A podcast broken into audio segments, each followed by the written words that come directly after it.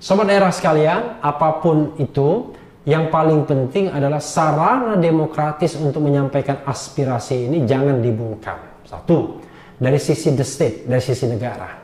Negara justru memberikan keleluasaan, pengamanan, sarana agar penyampaian aspirasi ini berlangsung secara tertib.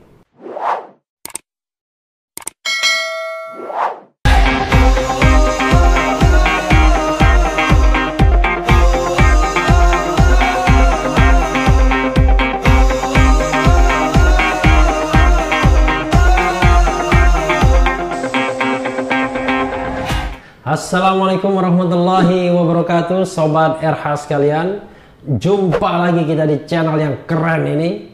Keren cadas. Kali ini kita mau uber Ulas berita. Tapi beritanya sebenarnya baru besok terjadi ya. Yaitu rencana demo besar-besaran Beberapa komponen masyarakat yang menamakan dirinya Aliansi Nasional Anti Komunis NKRI atau anak NKRI dan rencananya akan menyampaikan aspirasi dan terutama menolak rancangan undang-undang haluan ideologi Pancasila. Hari Senin yang lalu itu sudah diadakan press conference pada sore hari di hotel di dekat Masjid Cut Mutia. Di situ disampaikan pernyataan pers oleh anak NKRI. Saya mau membacakan pernyataan pers mereka. Bismillahirrahmanirrahim. Pernyataan bersama Aliansi Nasional Anti Komunis dalam kurung anak NKRI tentang penolakan rancangan undang-undang haluan ideologi Pancasila atau HIP dan bahaya kebangkitan PKI garis miring komunisme. Mencermati perkembangan kehidupan beragama, berbangsa dan bernegara, setelah mempelajari dengan seksama rancangan undang-undang haluan ideologi Pancasila dalam kurung HIP dan perkembangan yang terjadi terkait rancangan undang-undang tersebut, dengan berharap rahmat dan ridho Allah yang Maha Esa kami yang tergabung dalam Aliansi Nasional Anti Komunis dalam kurung anak NKRI menyatakan satu menolak rancangan undang-undang HIP dan mendesak pimpinan dan seluruh fraksi-fraksi di DPR RI menghentikan pembahasannya menjadi undang-undang serta mendesak pimpinan DPR RI mengeluarkan RUU HIP dari Prolegnas, program legislasi nasional. Dua, mendukung penuh dan siap mengawal maklumat Dewan Pimpinan Pusat Majelis Ulama Indonesia dalam kurung MUI dan Dewan Pimpinan MUI Provinsi se-Indonesia yang antara lain menolak rancangan Undang-Undang HIP. Tiga, mendesak aparat penegak hukum untuk mengusut tuntas inisiator luar biasa ya dan konseptor RUU HIP serta memproses secara hukum pidana pihak-pihak yang berupaya mengganti Pancasila sebagai dasar negara dengan Trisila dan Ekasila. Mendesak aparat penegak hukum untuk menegakkan dan melaksanakan empat ya, sorry maaf, saya ulangi. Empat, mendesak aparat penegak hukum untuk menegakkan dan melaksanakan Undang-Undang Nomor 27 Tahun 1999 tentang perubahan Kitab Undang-Undang Hukum Pidana dalam kurung KUHP yang berkaitan dengan kejahatan terhadap keamanan negara, khususnya pasal 107A, 107B, 107C, 107D, dan 107E terhadap oknum-oknum pelaku makar terhadap Pancasila. Rupanya makar itu bisa terhadap Pancasila juga ya, tidak hanya terhadap NKRI. 5. Selain Undang-Undang Nomor 2 Tahun 2008 tentang partai politik, oh, saya ulangi, 5. Sesuai Undang-Undang Nomor 2 Tahun 2008 tentang partai politik pasal 40 dan pasal 41 tentang partai politik, Jungto Undang-Undang Nomor 2 Tahun 2011 mendesak Mahkamah Konstitusi untuk memeriksa dan memutuskan permohonan pembubaran partai politik yang menjadi inisiator dan konseptor RUU HIP karena terbukti melakukan kegiatan yang bertentangan dengan Undang-Undang Dasar 1945 dan peraturan perundang-undangan dan atau melakukan kegiatan yang membahayakan keutuhan dan keselamatan NKRI sekaligus membatalkan ketentuan hanya pemerintah yang boleh mengajukan permohonan pembubaran partai politik. Wah, luar biasa ya. Poin 5. 6 mendesak DPR agar sesuai Undang-Undang Dasar 1945 mendorong MK melakukan sidang pemberhentian presiden dan MPR segera menggelar sidang istimewa apabila Presiden Joko Widodo memberi peluang atau akan mengubah Pancasila menjadi Trisila dan Ekasila serta membangun kerjasama dengan Partai Komunis Cina. luar biasa ya. 7. Menolak kriminalisasi dan perlakuan yang tidak adil oleh aparat hukum terhadap para ulama dan tokoh masyarakat yang berseberangan dan menyampaikan saran serta kritik terhadap penguasa. 8. Menyerukan para tokoh agama, tokoh masyarakat, aktivis yang setia pada NKRI dan seluruh elemen masyarakat untuk mewaspadai dan melawan gerakan komunis gaya baru yang berusaha bangkit baik dalam kehidupan bermasyarakat maupun melalui jalur kekuasaan. Demikian pernyataan bersama ini kami sampaikan untuk menjadi perhatian kita bersama. Semoga Allah yang Maha Kuasa meridhoi dan menolong perjuangan kita dalam membendung serta melawan bangkitnya komunisme dan PKI di negeri tercinta yang religius ini. Amin. Jakarta, 22 Juni 2020 Aliansi Nasional Anti Komunis dalam kurung anak NKRI. Luar biasa ya. Jadi itulah uh, sobat RH sekalian pernyataan pers atau press release yang dikeluarkan oleh anak NKRI. Sekali lagi anak NKRI itu adalah Aliansi Nasional Anti Komunis NKRI. Dan saya kebetulan juga hadir di dalam press conference tersebut karena diundang dan untuk melihat juga sekalian memahami dinamika lapangan memang hadir tokoh-tokoh Islam di dalam press conference tersebut seperti misalnya dari FPI Front Pembela Islam ya. Kemudian juga ada dari PA 212 yaitu Persaudaraan Alumni 212 kemudian ada juga dari GNPF Gerakan Nasional Pengawal Fatwa Ulama dan ada dari organisasi-organisasi lainnya. Cukup banyak juga. Saya pun sempat khawatir wah ini di tengah COVID-19 ini berjubel orang datang nanti bagaimana protokol COVID-19-nya. Apalagi wartawan juga ketika press conference juga banyak yang datang. Tapi memang ini kan aspirasi ya dan kalau kita lihat memang aspirasinya tidak hanya satu, banyak aspirasinya. Jadi kalau kita garis bawahi underline ya, aspirasinya itu bisa lima ya sesuai dengan poinnya memang banyak, tapi aspirasinya itu pertama adalah mencabut atau menghentikan pembahasan rancangan undang-undang HIP ya. RUU HIP HIP kata Bapak Ridwan Zaidi ya. Ada grup HIP HIP katanya Nah ini sebenarnya kalau kita pakai pendapat umum para ahli, memang banyak ahli yang sudah menolak. Tidak hanya ahli, tapi juga pemuka-pemuka agama, terutama agama Islam tentunya, yang menolak adanya rancangan undang-undang HIP ini karena dikhawatirkan materinya itu justru akan menyebabkan Pancasila itu sendiri bisa berubah. Jadi dari Pancasila bisa terjadi pemerasan menjadi Trisila, bisa diperas lagi menjadi Ekasila.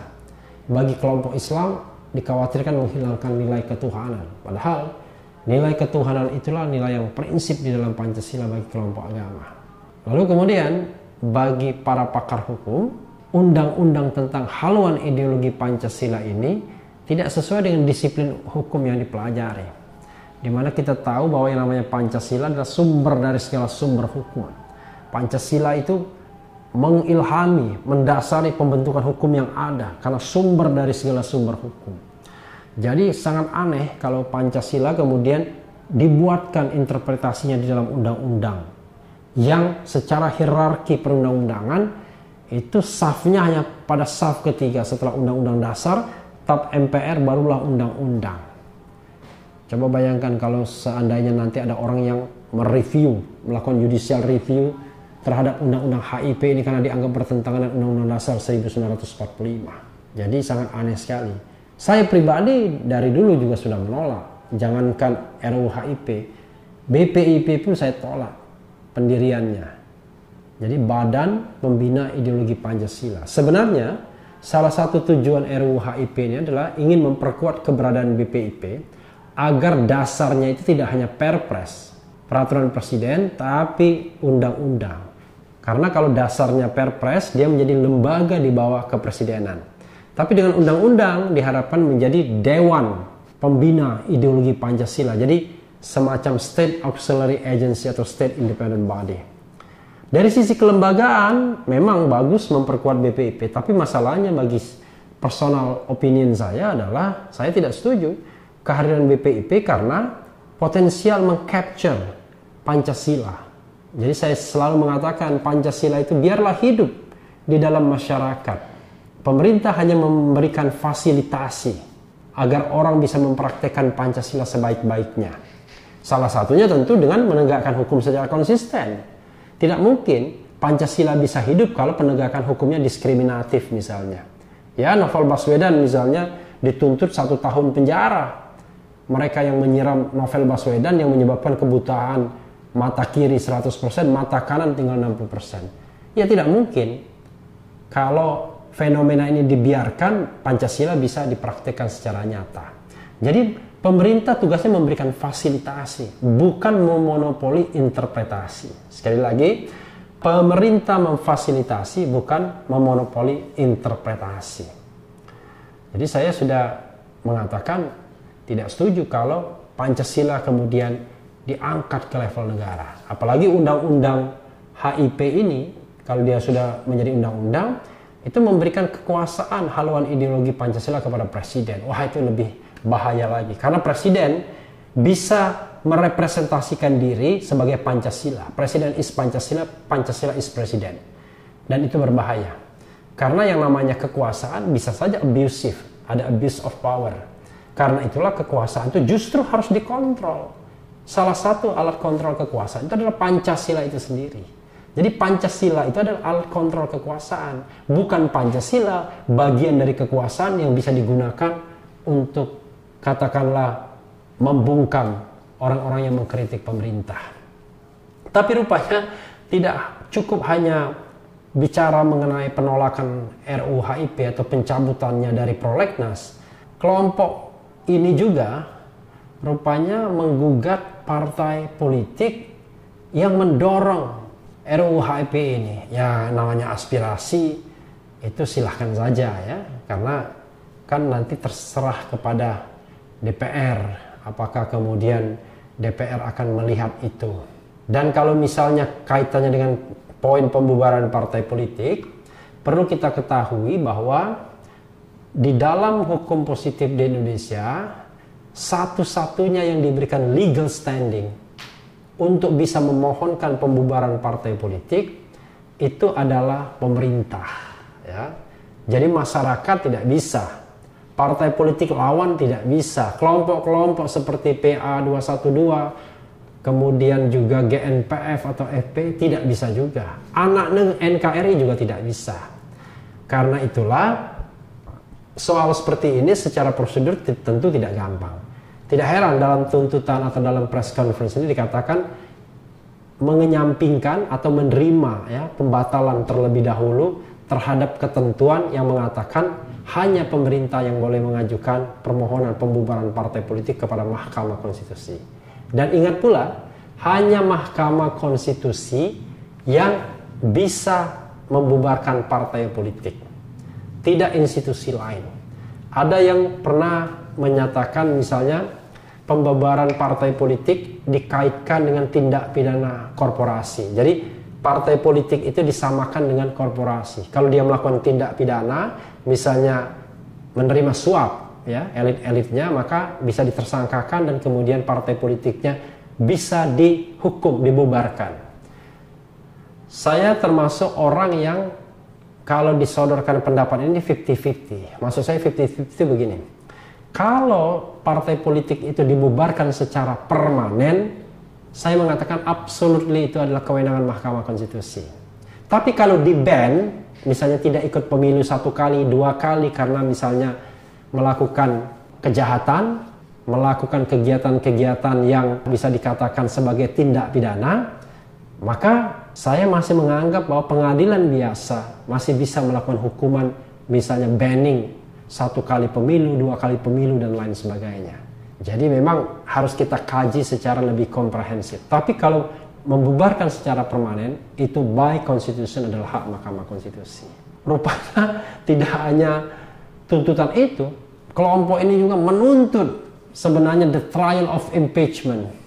Jadi pemberhentian presiden dan wakil presiden. Saya katakan sepanjang itu aspirasi dan itu dilakukan secara konstitusional, secara prosedural nggak ada, tidak ada masalah. Karena memang konstitusi kita menyediakan pasal 7A, 7B, 7C yang berkaitan dengan pemberhentian presiden dan atau wakil presiden atau pemakzulan atau impeachment. Tidak tabu membicarakan itu. Tapi persoalannya, sobat era sekalian, apakah dalam konteks RUU HIP ini sudah terpenuhi atau tidak sebuah kesalahan yang bisa berakibat pada impeachment, pemakzulan atau pemberhentian presiden dan atau wakil presiden. Kita tahu dan berulang-ulang saya katakan, pemberhentian presiden dan atau wakil presiden itu haruslah pertama karena melakukan pelanggaran hukum berat berupa pengkhianatan terhadap negara ya, kemudian suap, korupsi dan tindak pidana berat lainnya, atau melakukan perbuatan tercela, atau dia tidak lagi memenuhi syarat sebagai presiden dan atau wakil presiden. Syaratnya tiga saja menurut konstitusi, yaitu satu warga negara Indonesia dan tidak pernah menjadi warga negara asing karena kehendaknya sendiri. Dua, tidak pernah berkhianat terhadap negara. Tiga, mampu secara jasmani dan rohani menjadi presiden dan atau wakil presiden. Nah, ke dalam tiga grouping atau kelompok itulah sebenarnya dalil untuk memberhentikan presiden bisa diajukan. Saya tidak mau menjawab apakah kemudian dengan adanya RUU ini kemudian presiden melakukan kesalahan. Nanti biarlah DPR yang akan mengolah itu semua. Walaupun secara politik tentu tidak gampang ya. Kenapa saya bilang tidak gampang? Karena kita tahu bahwa yang namanya RUU HIP itu adalah hak inisiatif DPR. Dan DPR sekarang ini, 6 dari 9 partai politik itu berada dalam koalisi pemerintahan. Jadi kalau konstelasi politik tidak luar biasa, tentu bukan perkara mudah. Tapi yang paling penting adalah kalau ada aspirasi-aspirasi seperti ini harus dilakukan secara konstitusional. Jangan lupa bahwa tidak bisa ujuk-ujuk MK bersidang atau MPR melakukan sidang istimewa. Jadi stepnya adalah ke DPR dulu. DPR kemudian mungkin melakukan kajian tim kecil terdiri dari wakil-wakil fraksi. Itu pun kalau ada yang mau mengajukan pembentukan misalnya penggunaan hak angket misalnya Lalu kemudian dari angket diadakan panitia angket, panitia angket melakukan penyelidikan, lalu kemudian memberikan kesimpulan, diterima sidang paripurna dengan quorum tertentu, lalu kemudian dilanjutkan pada hak menyatakan pendapat bahwa presiden dan atau wakil presiden sudah melanggar hukum misalnya, melakukan perbuatan tercela, barulah kemudian disampaikan kepada Mahkamah Konstitusi. Mahkamah Konstitusi dalam jangka waktu 90 hari harus memutuskan tuduhan DPR bahwa presiden dan atau wakil presiden sudah melanggar hukum atau melakukan perbuatan tercela atau tidak lagi memenuhi syarat. Kalau memang MK mengatakan iya terbukti ya secara sah dan meyakinkan berdasarkan proses persidangan di MK selama 90 hari itu, maka akan dikembalikan kepada DPR. Tinggal DPR kemudian mendorong MPR melakukan sidang istimewa. Jangan lupa MPR itu anggota DPR ditambah seluruh anggota DPD. Jadi seluruh anggota DPR ditambah seluruh anggota DPD itulah MPR. Jadi ada peran DPD-nya juga di sini. Sobat daerah sekalian, apa pun itu, yang paling penting adalah sarana demokratis untuk menyampaikan aspirasi ini jangan dibungkam. Satu, dari sisi the state, dari sisi negara. Negara justru memberikan keleluasaan, pengamanan, sarana agar penyampaian aspirasi ini berlangsung secara tertib. Satu pihak. Tapi pihak lain, mereka yang melakukan unjuk rasa atau demonstrasi, itu tentu harus mengikuti ketentuan perundang-undangan yang berlaku. Ya tentu mulai dari pemberitahuan, kemudian juga jangan lupa ini COVID-19 sekarang ini. Jangan sampai habis demo justru nanti terkena COVID di mana-mana. Jadi protokol COVID-19 harus diikuti. Menggunakan masker, jaga jarak, ya kan? Membawa hand sanitizer atau bahkan sabun untuk mencuci tangan dan lain sebagainya dan lain sebagainya. Jadi pengunjuk rasa bisa melindungi dirinya, bisa dilindungi juga oleh aparat keamanan, tetapi yang juga penting adalah mereka tidak boleh melanggar hukum apa saja misalnya bakar-bakar ya kan terutama bakar-bakar ban lalu kemudian mematahkan pagar dan lain sebagainya dan lain sebagainya. Sebelum membuat video ini saya WhatsApp ketua GNPF Ulama Ustadz Yusuf Muhammad Martah. Saya tanya berapa kira-kira jumlah yang akan datang besok? Dan jangan lupa demonya itu pukul 13.00 bukan demo masak ya tapi demonstrasi untuk menyampaikan aspirasi yang sudah saya bacakan tadi. Dia mengatakan kira-kira 2000 orang mungkin tidak bisa diprediksi tapi aspirasi tinggi nah beberapa spanduk apa istilahnya pamflet itu juga sudah di-share di media sosial dan Sobat Era bisa melihat pamflet-pamflet itu karena juga disertakan di video ini tetapi yang paling penting adalah tetap jaga keamanan, tetap jaga kenyamanan, dan prosedur konstitusionalitas harus tetap dijaga. Baik oleh negara, kekuasaan, maupun dari society yang melakukan unjuk rasa untuk menyampaikan pendapat atau menyalurkan aspirasi. Sobat era sekalian, itu Uber kali ini mengenai demonstrasi yang akan terjadi hari Rabu hari ini karena videonya akan muncul hari ini walaupun membuatnya kemarin jadi saya katakan hari ini ya dan yang penting adalah tetap di channel ini karena di channel ini Anda akan dirayu, ditipu, dibaperin, dicecar, diuber pula di jalur khusus. Karena channel ini adalah channel yang mengancam, memeras dan membenci. Jangan lupa subscribe, like, comment, and share. Ciao.